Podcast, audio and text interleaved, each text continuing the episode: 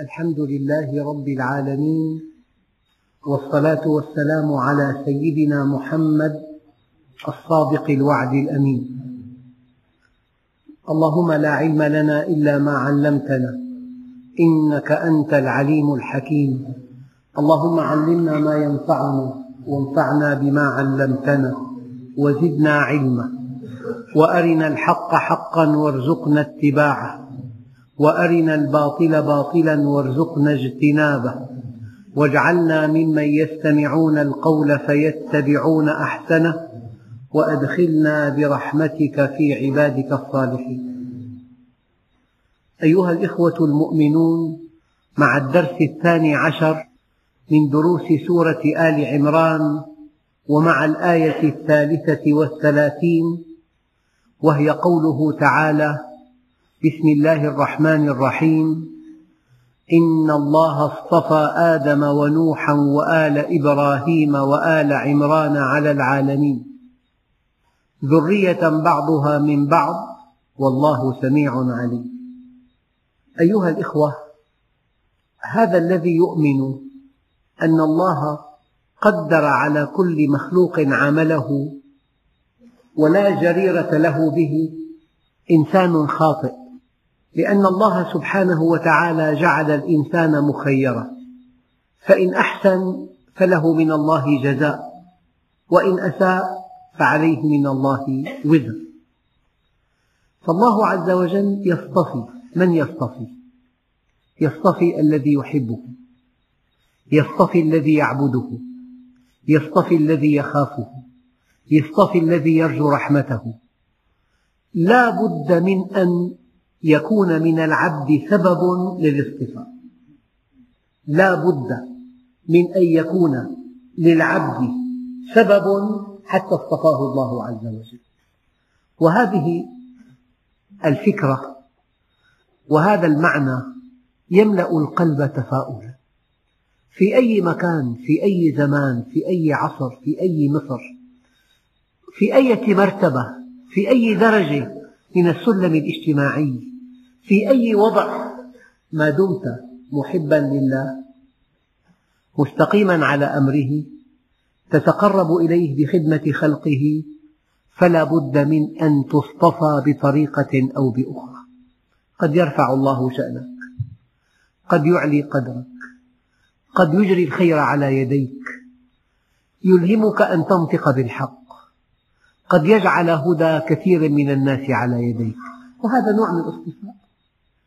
لأن الله عز وجل حينما خاطب النبي صلى الله عليه وسلم فقال ألم نشرح لك صدرك؟ ووضعنا عنك وزرك الذي أنقض ظهرك ورفعنا لك ذكرك. قال علماء التفسير هذه تنطبق على النبي صلى الله عليه وسلم وعلى كل مؤمن بقدر إيمانه واستقامته وإخلاصه. أنت مخلوق كريم أنت مخلوق مميز أنت مخلوق سخر الله لك ما في السماوات وما في الأرض جميعا منه فينبغي أن تعمل عملا. تستحق أن يصطفيك بطريقة أو بأخرى. باب النبوة مقفل.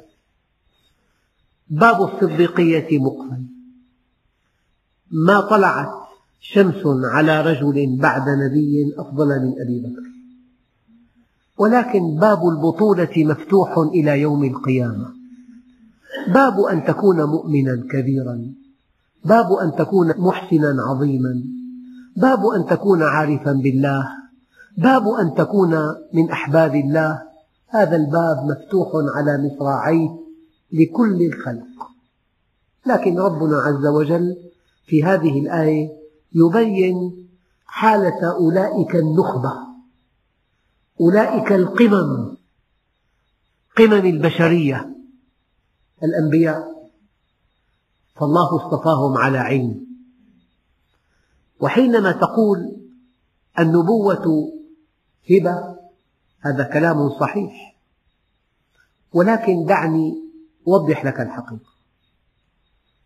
حينما تضطر دولة مثلا للتقريب أن تعين سفيرا في أقوى دولة في العالم. ماذا ينبغي أن تكون مواصفات هذا السفير؟ ينبغي أن يكون محصلا لعلوم شتى. علوم الحقوق والآداب والعلوم هكذا في بعض الدول. لا بد من اختصاصات ثلاث اختصاص علمي واختصاص أدبي واختصاص حقوقي. لا بد من أن يكون ملما باللغة الأجنبية. لا بد من أن يكون من أسرة راقية. لا بد من أن يكون ذا هيئة مرضية. لا بد من ذكاء فطري. لا بد ولا بد. لأنه سيمثل أمة. سينطق بلسان دولة. سيعبر عن ثقافة. فحينما يصطفى مثل هذا الإنسان ليكون سفيرا في دولة عظمى هناك مؤهلات حصلها بجهده. دراساته اهتماماته ثقافته هذه كلها حصلها بمفرده بجهده الشخصي بناء على هذا التفوق وعلى هذه الاختصاصات عين سفيرا بعد أن يعين معه صلاحيات واسعة معه حقيبة دبلوماسية معه شيكات مفتوحة معه ميزات كثيرة. هذه تأتيه هبة. أما الذي اصطفي بسببه تفوقه في اختصاصاته الثلاث. إذا حينما نتوهم أن أي إنسان هكذا أراده الله نبيا فكان نبي لا إن الله اصطفى. يقول الله له اصطفى. يعني انتقى من بين خلقه. انتقى من بين الملايين المملينة. انتقى إنسانا يحب الله. يطيعه. يحسن إلى خلقه. يتقرب إليه. فهذا حال الأنبياء. اصطفاهم على علم. اصطفاهم على علم. اختارهم من بين خلقه. لأنهم قمم لأنهم ذروة الكمال البشري لأنهم على محبة لا توصف وعلى ورع لا يوصف وعلى خير لا يوصف وعلى إحسان لا يوصف وعلى حكمة لا توصف. فلا بد من جانب اختياري ولا بد من جانب كسبي بني عليه الاصطفاء ولقد اخترناهم على علم. وكلمة اصطفى وحدها تعني كل هذا الذي قلته. اصطفى. إن الله اصطفى. من بني آدم سيدنا آدم. يقول عليه الصلاة والسلام في بعض أحاديثه آدم ومن دونه تحت لواء يوم القيامة. معنى ذلك أن سيدنا آدم في مرتبة عالية جدا جدا. آدم ومن دونه تحت لواء يوم القيامة ولا فخر. إن الله اصطفى آدم. سيدنا آدم أول مخلوق بشري على وجه الأرض. ليس له أب ولا أم. فقد حرم تربية الأب والأم. لذلك تولى الله تربيته بنفسه. فأسكنه الجنة. ونهاه عن هذه الشجرة وجاء إبليس اللعين فزين له الأكل من هذه الشجرة ولم يكن وقتها كذب ولا نفاق. هل أدلك على شجرة الخلد وملك لا يبلى؟ فصدقه سيدنا آدم وعصى آدم ربه وفي آية أخرى ولم نجد له عزما على المعصية. واستغفر ربه وتاب عليه. وأخرجه من الجنة لا عقابا ولكن تعليما لكل الخلق الذين سيأتون من بعده. لأن الله سبحانه وتعالى في الأصل قال إني جاعل في الأرض خليفة. في الأرض. إذا خروج سيدنا آدم من الجنة لحكمة تربوية أرادها الله عز وجل. يعني كأن الله ربى بني آدم بآدم. إن هذا الشيطان عدو لكم. كيف أن الشيطان أخرج أبويه من الجنة؟ فيا أيها الإخوة إن الله اصطفى آدم. آدم ونوحا بعد آدم عبد غير الله في الأرض. فكان سيدنا نوح أول نبي جاء إلى البشر بعد أن وقعوا في الشرك. وآل إبراهيم وإبراهيم أبو الأنبياء ونبينا صلى الله عليه وسلم من ذريته. فقد قال عليه الصلاة والسلام أنا دعوة أبي إبراهيم. ربنا وابعث فيهم رسولا منهم يتلو عليهم آياتك ويزكيهم ويعلمهم الكتاب والحكمة. أنا دعوة أبي إبراهيم. وبشارة أخي عيسى. فإبراهيم عليه السلام أبو الأنبياء. إن الله اصطفى آدم ونوحا وآل إبراهيم وآل عمران وقصة اليوم من آل عمران. على العالمين أريد أن أكرر أن الاصطفاء يعني أن جانبا من سبب الاصطفاء يعود إلى المخلوق. هذا الجانب الكسبي لا ينكر أن النبوة وهبية ولكنها بنيت على اصطفاء والاصطفاء أساسه الكسب كما بينت في مثل السفير إن الله اصطفى آدم ونوحا وآل إبراهيم وآل عمران على العالمين. لو أردت أن أوسع معنى الاصطفاء توسيع. يعني أي واحد من الإخوة المؤمنين إذا تفوق في معرفة الله وحرص على طاعته حرصا كبيرا. وبذل مما أعطاه الله من علم أو من مال أو من جاه أو من حكمة أو من خبرة أو ما شاكل ذلك. وبذل هذا في سبيل الله. لا بد من أن يرى من الله قبولا ونوعا من الكرامة. مستحيل وألف ألف مستحيل أن تخطب وده ثم لا يكافئك.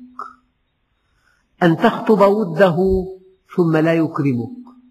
أن تخطب وده ثم لا تجد من الله معاملة استثنائية تشعر أنه يحبك. سم هذا إن شئت اصطفاء. سمه إن شئت. كما قال بعض العلماء ورفعنا لك ذكرك. هذه للنبي صلى الله عليه وسلم ولكل مؤمن مطيع مخلص محب منيب. له من هذه الآية نصيب. نعم. فإن أردت أن تكون متميزا إن أردت أن يخصك الله بعلم أن يعلمك ما لم تكن تعلم ليكون فضل الله عليك عظيما. إن أردت أن يخصك الله بلسان طليق في تعريف الناس بالله. إن أردت أن يخصك الله بمال تنفقه في سبيل الله. إن أردت أن يخصك الله بجاه تحمي به الضعفاء المؤمنين. إن أردت أن يخصك الله بعمل طيب يمسح دموع البائسين. إن أردت أن يخصك الله بعمل عظيم ينجي به على يديك من عباده المؤمنين. فالباب مفتوح على مصراعيه هناك أبواب أغلقت بنص القرآن الكريم وهناك أبواب مفتحة وقد قال عليه الصلاة والسلام علو الهمة من الإيمان علو الهمة من الإيمان. نحن في التعليم لو أن طالبا أراد أن ينجح فقط لا ينجح يرسم يقول أنا أريد المعدلات فقط النهايات الصغرى. في الأعم الأغلب أنه لا ينجح. أما حينما يطلب الطالب التفوق لعله ينجح ولعله يتفوق. فأنت إن أردت أن تكون وراء الباب في الجنة قد لا تدخلها. أما إن أردت أن تكون طموحا مع المتفوقين لعل الله يرحمنا جميعا ولعل الله يقبلنا جميعا. أنا أريد أيها الإخوة أن تشعروا أن أبواب رحمة الله مفتوحة دائما. ولا علاقة لها لا ببلد ولا ببيئة ولا مجتمع ولا بطبيعة. أبواب رحمة الله مفتحة لكل عباده المؤمنين. وفي أي عصر إن صدقت رأيت شيئا لا يصدق. إن صدقت الله رأيت شيئا لا يصدق. ما من مسلم مؤمن يخطب ود الله عز وجل إلا أكرمه الله إكراما يراه هو ويراه من حوله. إذا شئت أن تفسر هذا الإكرام أو هذه الكرامة أو هذه المعاملة الخاصة أو هذا الخير الذي يجرى على يديك أو هذا المنطق السديد الذي تنطق به أو هذا العمل الطيب الذي قدر لك أو هذا الالتفاف من الناس حولك. هذا كله بيديك. بشرط أن تقدم لله ما يؤهلك أن تنال منه هذا العطاء. ما رأيت أدبا أعظم من أدب النبي عليه الصلاة والسلام حينما سأل الله موجبات رحمته وعزائم مغفرته. الله يرحم كل خلقه لكن إن أردت رحمته فقدم ثمنها. ثمنها أن تتوب. ثمنها أن تؤدي العبادات بإتقان ثمنها أن تطيع الواحد الديان. ثمنها أن تحسن إلى خلقه جميعا. هذه كلها ثمن رحمة الله. لعلي وضحت معنى الاصطفاء في جانب من العبد. جانب من العبد كسبي. أساس الاصطفاء وفي جانب وهبي اخترنا هذا الإنسان من بين الأوائل من بين المتفوقين من بين الذين يتقنون اللغة الإنجليزية فرضا من بين الأوائل ثم منحناه صلاحيات كثيرة. الصلاحيات وهبية أما الاختيار بني على أساس كسبي. فالاصطفاء هذا معناه الله اصطفى والاصطفاء الضيق اصطفاء الأنبياء مغلق بابه انتهي أمره. أما الاصطفاء الواسع أن تكون متميزا. يعني ألا ترى إلى إنسان أمضى حياته في طاعة الله؟ ألا ترى إلى شيخوخته؟ والله أيها الإخوة زرت أحد علماء مدينة في الشمال. والله ما رأيت ملكا في ملكه. يعني أكبر شأنا هكذا. الإنسان إذا أمضى حياته في طاعة الله إذا أمضى حياته في الدعوة إلى الله إذا أمضى حياته في التقرب إلى الله هذا له معاملة خاصة له شأن كبير. في السابعة والتسعين من علماء دمشق الأجلاء رحمه الله قامة منتصبة وبصر حاد وسمع مرهف وأسنان كاملة في فمه. سئل يا سيدي ما هذه الصحة التي حباك الله بها؟ قال يا بني حفظناها في الصغر. فحفظها الله علينا في الكبر. من عاش تقيا عاش قويا. لك استثناءات في الصحة. لك استثناءات في السمعة. لك استثناءات في الرزق. لك استثناءات في الحياة الاجتماعية. محبوب. لأن الله قال فبما رحمة من الله لنت لهم. فالتف الناس حولك. ولو كنت فظا غليظ القلب لانفضوا من حولك. يعني تتصل بالله فيمتلئ قلبك رحمة فتكون لينا للناس فيلتفون حولك. وينقطع المرء عن الله فيمتلئ قلبه قسوة فينعكس غلظة فينفض الناس من حوله قانون. معادلة رياضية مئة بالمئة. فأنا أريد كما يقال أحيانا التطبيق العملي. أنا ما علاقتي بهذه الآية. إن الله اصطفى آدم ونوحا وآل إبراهيم وآل عمران على العالمين. أنا ما علاقتي بهذه الآية. لي علاقة متينة جدا. أنا حينما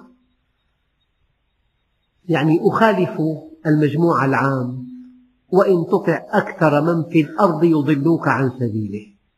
الناس أين يسهرون؟ في لقاءاتهم ماذا يتكلمون؟ على ولائمهم من يأكلون؟ نساء ورجال. واختلاط ومزاح لا يرضي الله ونظرات خبيثة وتعليقات لاذعة ومال يكسبونه بالحرام وعلاقات كلها آثام إذا كنت مع المجموع فتحمل ما يتحمله المجموع. أما إذا خفت واطمأن الناس إذا أطعت وعصى الناس إذا صليت بالليل والناس نيام إذا غضضت بصرك عن الحرام والناس يفتحون عيونهم هكذا إذا ضبطت لسانك والناس يتكلمون إذا ضبطت جوارحك والناس يسقطون مقابل ذلك لك معاملة متميزة لك كرامة عند الله لك استثناء لك تكريم لك عطاء لك اصطفاء إن شئت أن تسميه اصطفاء. ف يعني مرة التقيت بأخ كريم يعمل في القصار وأنا أحترم كل المهن لأن كل حرفة تقدم خدمة. هي حرفة مقبولة عند الله. ولكن هذا القصاب من جيل أحد علماء القرآن الكريم الكبار. وكان هذا العالم فيما مضى قصابا. فقال لي مداعبا أن هذا فلان الأستاذ الجليل العالم الجليل. كنت معه في الحرفة. لكن قلت له أين الثرى من الثريا؟ فرق كبير. بين أن تكون من كبار علماء القرآن وقد أمضيت كل حياتك, حياتك في قراءة القرآن وتعليم القرآن وحفظ القرآن وبيان أحكام القرآن وبين أن تكون محترفا حرفة تعيش منها وانتهى الأمر. لا بد من التفوق لا بد من التميز. لما يريد الناس أجمل بيت وأجمل زوجة وأعلى دخل وأجمل مكتب تجاري انظر إلى الناس يتنافسون في بيوتهم في مركباتهم في إنفاقهم في حفلاتهم في أفراحهم حتى في أتراحهم يتفوقون. لك مشي 500 سيارة مشي مثلا. يفتخر فيها. أبر كلفنا مبلغ ضخم. يعني حتى إذا مات ميتهم يفتخرون. لماذا لا نتنافس في الآخرة؟ لماذا لا نحب التفوق في الآخرة؟ وباب التفوق مفتوح إلى يوم القيامة. هذا معنى إن الله اصطفى آدم ونوحا وآل إبراهيم وآل عمران على العالمين ذرية بعضها من بعض. خصائص واحدة. الجبلة واحدة. الفطرة واحدة. الإمكانات واحدة. ولو لم تكن واحدة. لما كان هناك من معنى للتكليف. لا تكليف إلا بالإمكانات. كيف نكلف ما لا نطيق؟ ماذا قال الله عز وجل؟ لا يكلف الله نفسا إلا وسعها.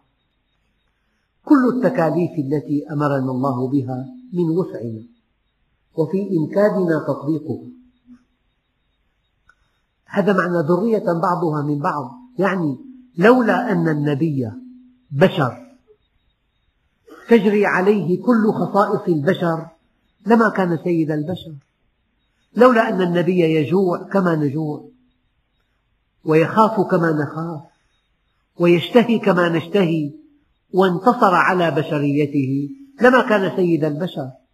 يقول عليه الصلاة والسلام خفت في الله وما خاف أحد مثلي وأوذيت في الله وما أوذي أحد مثلي ومضى علي ثلاثون يوما لم يدخل جوفي إلا ما يواريه إبط بلال.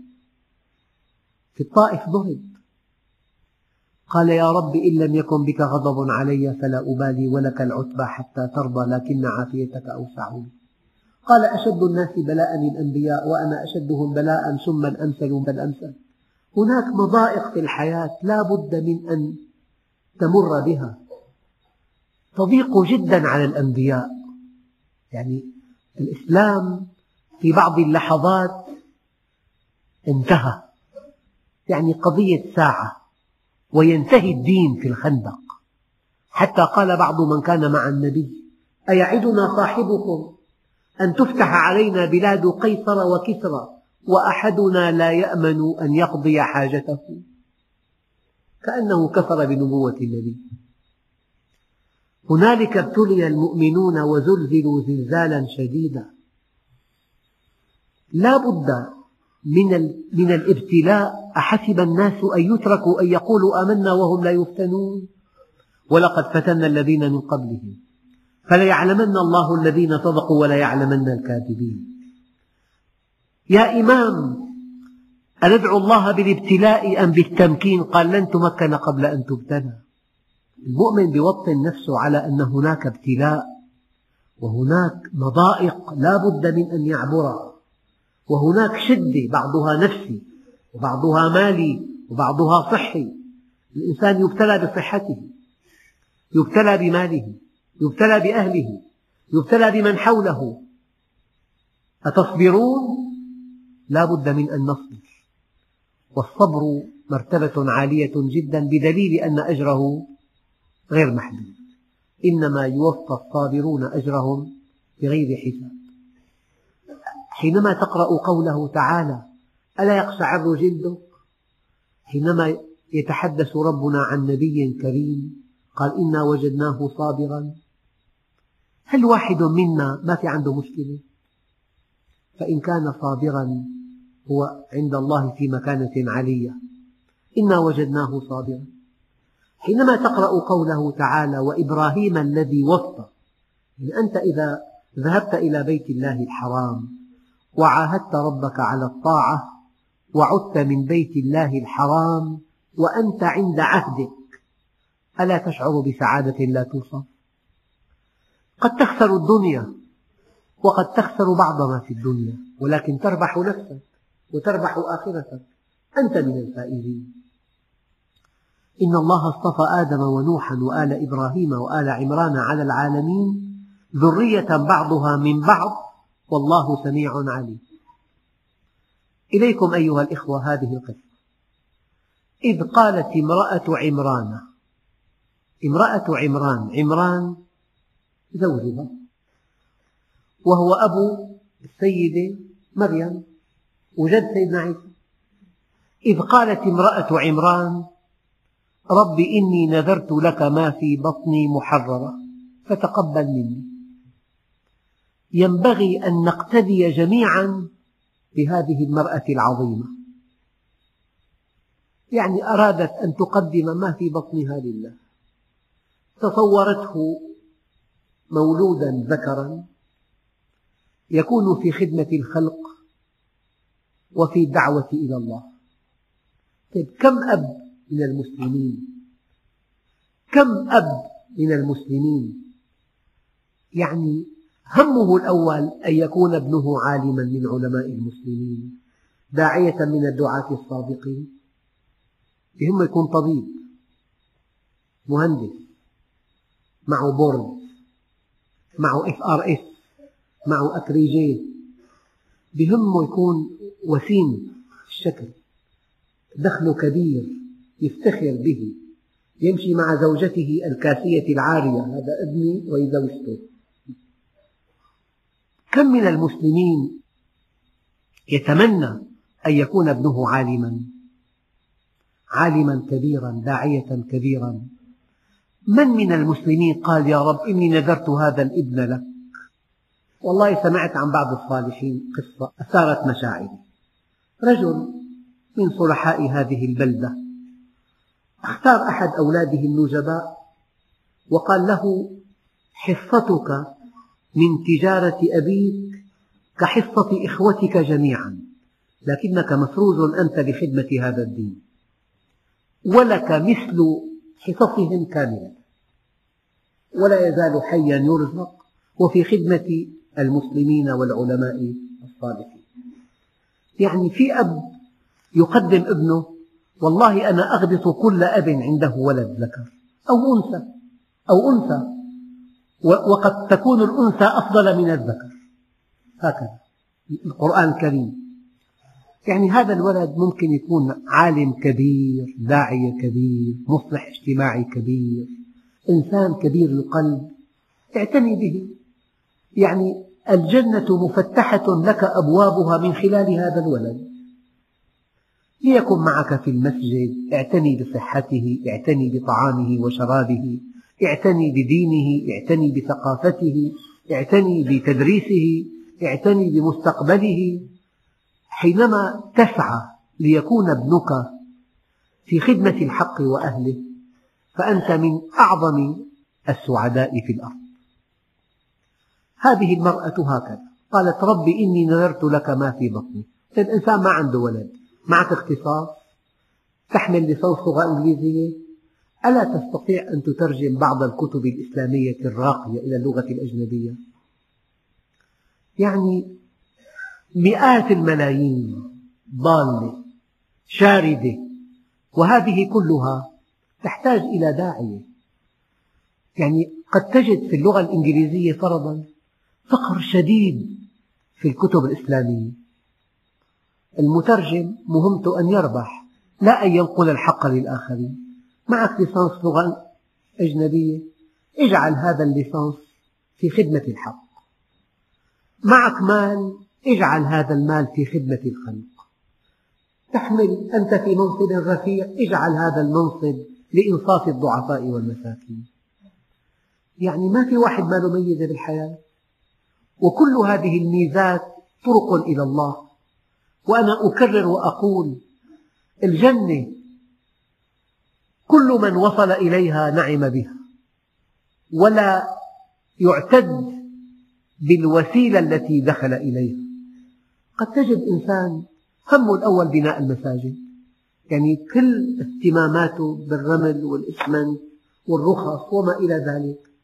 هذا يدخل الجنة من أوسع أبوابها لولا من بنوا هذا المسجد وأنشأوا مرافقه كيف نجلس هنا؟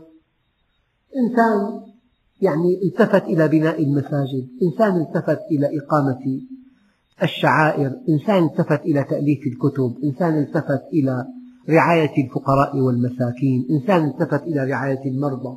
أبواب الجنة مفتحة على كل مصاريعها بشرط أن يكون لك عمل شرعي بنية عالية. فالجنة لك. إياك أن تتوهم أن الجنة للدعاة فقط. لا. لطبيب يعالج المسلمين بإخلاص لمهندس يبني بيوتا للشباب المؤمنين لمحام يدافع عن الحق بإخلاص شديد لتاجر يقدم سلعة بسعر معتدل جيدة لكل المسلمين لمعلم يعلم أبناءنا لمرب يربي بناتنا لأي إنسان بشرط أن يكون عملك مشروعا وتسلك به الطرق المشروعة وأن تبتغي به كفاية نفسك ورعاية أهلك وأولادك وخدمة المسلمين وألا تشغلك عن واجب أو فريضة انقلب عملك إلى عبادة. الدين واقعي. هذا الدين دين الحياة.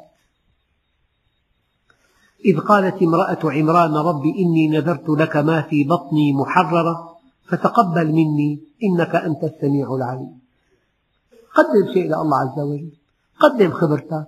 قدم حرفتك. قدم اختصاصك. أنت محامي. قدم شيء من خبراتك للفقراء المظلومين. طبيب عالج مرضى فقراء. غني قدم من مالك. عالم قدم من علمك. خبير قدم خبرتك. قدم شيئا. والله امرأة فيما أعلم أصيبت بمرض عضال في دماغها. ورم خبيث فنذرت إن شفاها الله لتكونن في خدمة المسلمين. شفاها الله. لا تملك من حطام الدنيا شيئا. ماذا تفعل؟ بدأت تصنع طعاما طيبا ومتقنا للأغنياء وتأخذ ثمنه فتوزعه على الفقراء. لا تملك إلا فن الطهي فقط. هذا الفن صار لها بابا إلى الجنة. يعني مرة كنت في مطار فرأيت أن كل مسافر يتجه إلى بوابة. جيت يسموه. استلهمت من هذا أن كل إنسان له بوابة خروج من هذه الدنيا. هل يمكن أن تستيقظ كل يوم كما كنت البارحة؟ إلى ما شاء الله مستحيل. كيف يموت الناس؟ استيقظ على تطور لم يكن من قبل في جسمه زار طبيب اثنين ثلاثة والله قضية الطبيب كن شوي صفن عمل تحليل عمل تصوير طبقي إيكو إلى آخره. الأمر طلع متفاقم. بعد حين إجت النعوة معنا بوابة هي فكل واحد له بوابة. فإذا كنا أبطالا نجعل من بوابة الخروج بوابة إلى الجنة. لا بد منه. كل مخلوق يموت ولا يبقى إلا ذو العزة والجبروت. والليل مهما طال فلا بد من طلوع الفجر والعمر مهما طال فلا بد من نزول القمر. هي امرأة عمران قالت رب إني نذرت لك ما في بطني محررة. كم ولدت بالطريق تلاقي أولاد الأزقة يسبون الدين يتكلمون بالعورات ينهالون ضربا على أصدقائهم. يتكلمون بعبارات لا تسمع. أي تربية المسلمين؟ والله ما أصدق في حياتي للحظة واحدة. أن النبي حينما قال تناسلوا تكاثروا فإني مباه بكم الأمم يوم القيامة. والله ما أصدق لحظة في حياتي أن النبي يباهي بمثل هذه الأمة. يباهي بالمؤمنين يباهي بالشباب المؤمن يباهي بأطفال المؤمنين يعني أطفال الصحابة كانوا على شيء لا يوصف من الأدب ومحبة الله ورسوله والذكاء المتقن. نعم. مر سيدنا عمر بالمدينة وجد أطفال. فلما رأوه لهيبته تفرقوا إلا واحد واحد ما مشي. قال له يا غلام لم لم تهرب مع من هرب؟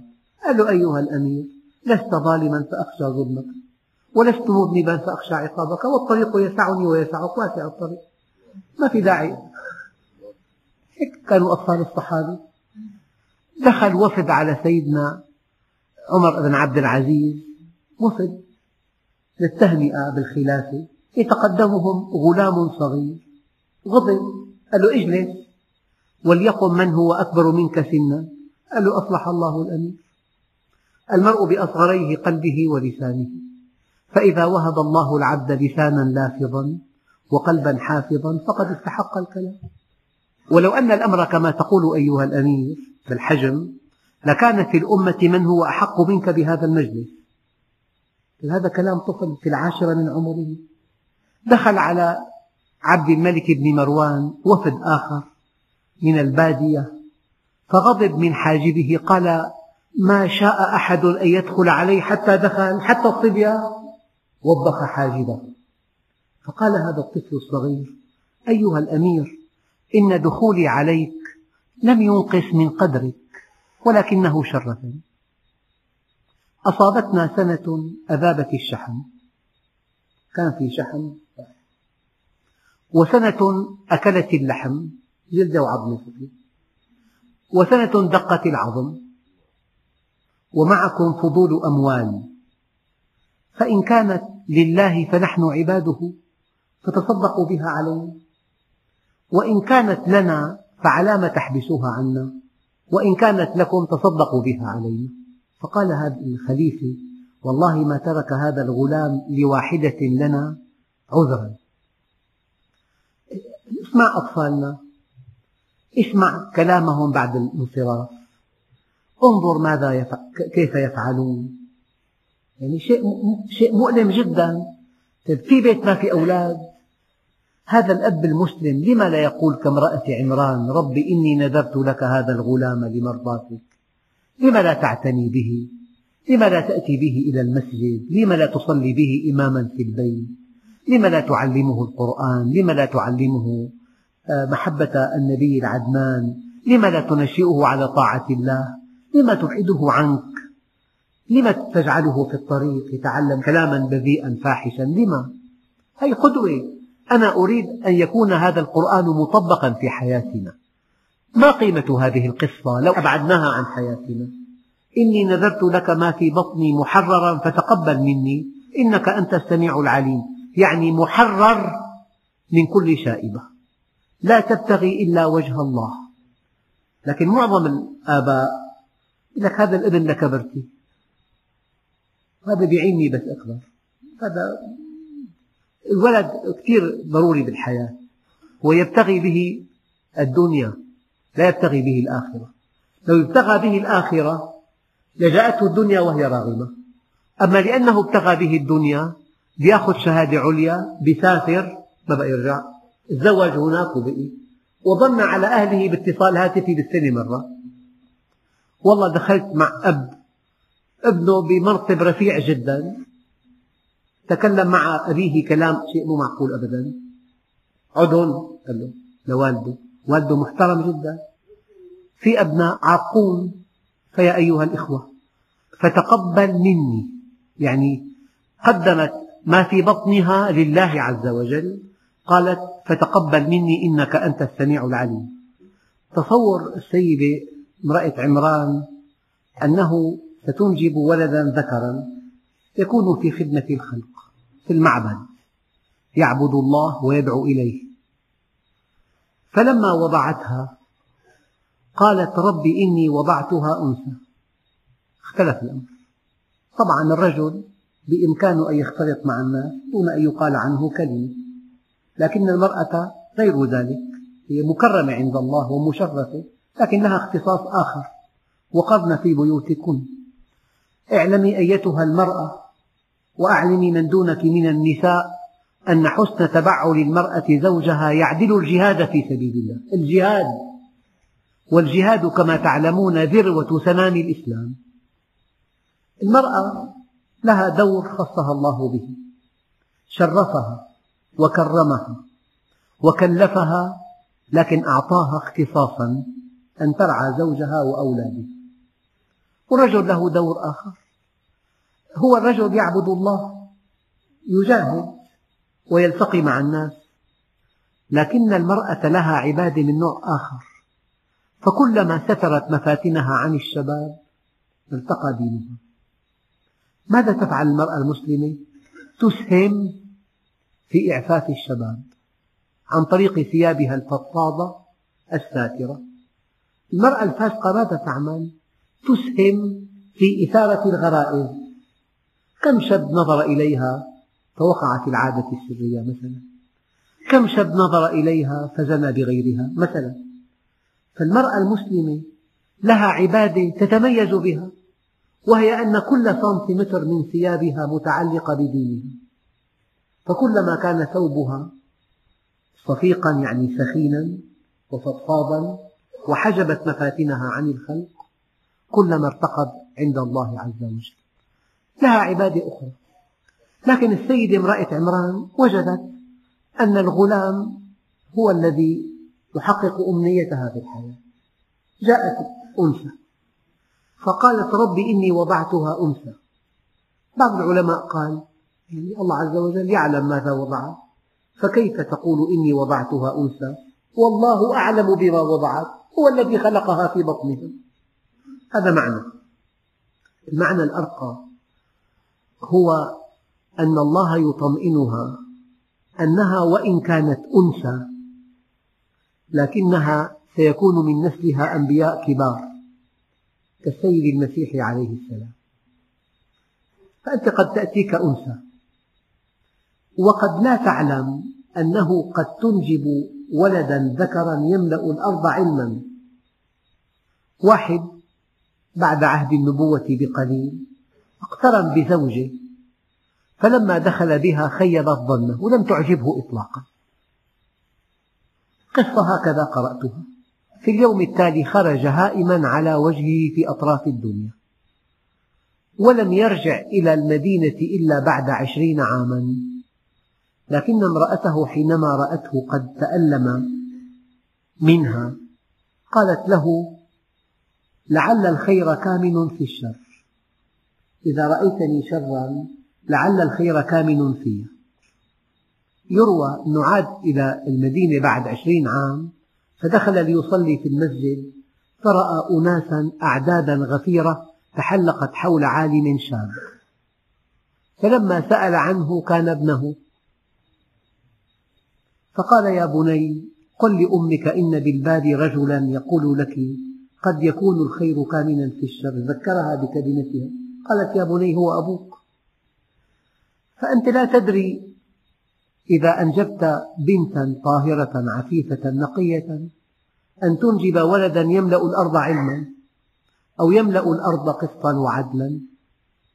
وحينما أسأل عن فتوى في الإجهاض قبل أربعين يوم أقول له لعل هذا الذي تحاول إسقاطه يكون خيرا لك من كل أولادك. هو هدية من الله عز وجل. والله أعلم بما وضعت.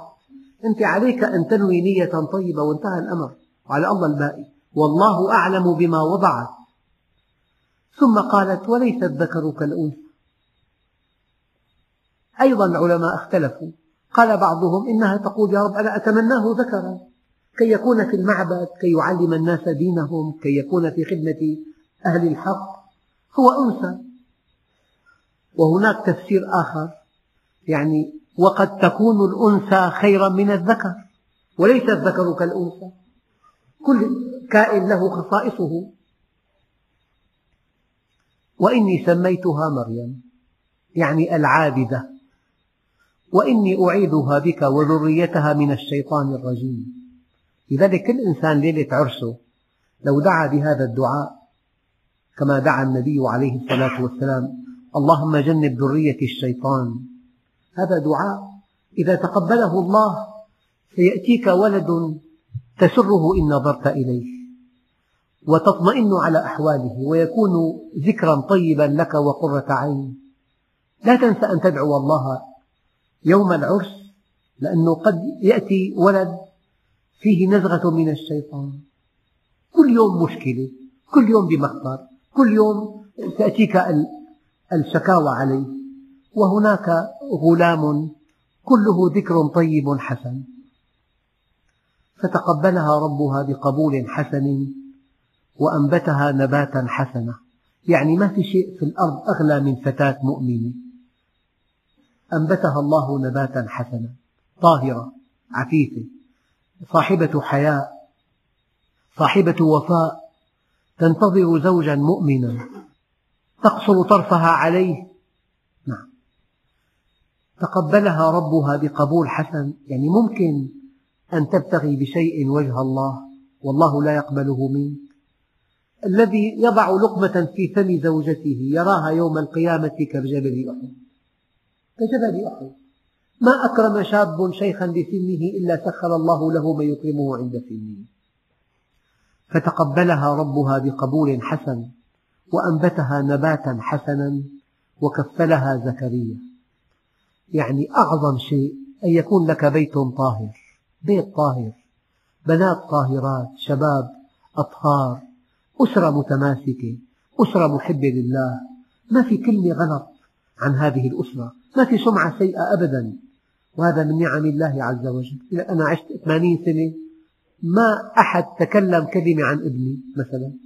يقولوا بعض الصالحين السلف الصالح رباه تربية عالية. فتقبلها ربها بقبول حسن وأنبتها نباتا حسنا وكفلها زكريا نبي كريم تكفلها. كلما دخل عليها زكريا المحراب وجد عندها رزقا. قال يا مريم أنى لك هذا؟ قالت هو من عند الله. إن الله يرزق من يشاء بغير حساب. وفي درس قادم إن شاء الله نتابع شرح هذه الآيات الذي أريده منكم أن تفهم كل آية بطريقة عملية أن تسأل نفسك دائما ما علاقتي بهذه الآية؟ ما الفائدة من تلاوتها؟ إن لم يكن لك علاقة بها علاقتك أن تهب لله شيئا من أولادك من بناتك من اختصاصك من حرفتك من مالك من علمك من خبرتك أن تقدم شيئا خالصا لله عز وجل. حدثني أخ طبيب أسنان قال لي جاءتني موظفة في التعليم فقيرة جدا. تريد إصلاح أسنانها التكلفة باهظة اعتذرت وخرجت. قال لي أصررت عليها أن أقوم أسنانها قال لي والله ما سعدت بخدمة إنسانة كخدمة هذه المرأة الفقيرة. ولم آخذ منها شيئا ومبلغ كبير جدا. قال لي في كل حياتي المهنية لم أسعد بإنسان دخل إلى عيادتي لأنه قدم لها الشيء لله عز وجل. يعني أسنانها تثير الضحك أمام طالباتها فلما أصلح لها أسنانها وابتغى بذلك وجه الله يا الله عز وجل ملأ قلبه سعادة. في واحد ما حرفة منا ألا يمكن أن تخصص جزءا من حرفتك لوجه الله لخدمة عباد الله الصالحين؟ يعني طبيب مهندس محامي تاجر مزارع ما في إنسان ما عنده اختصاص.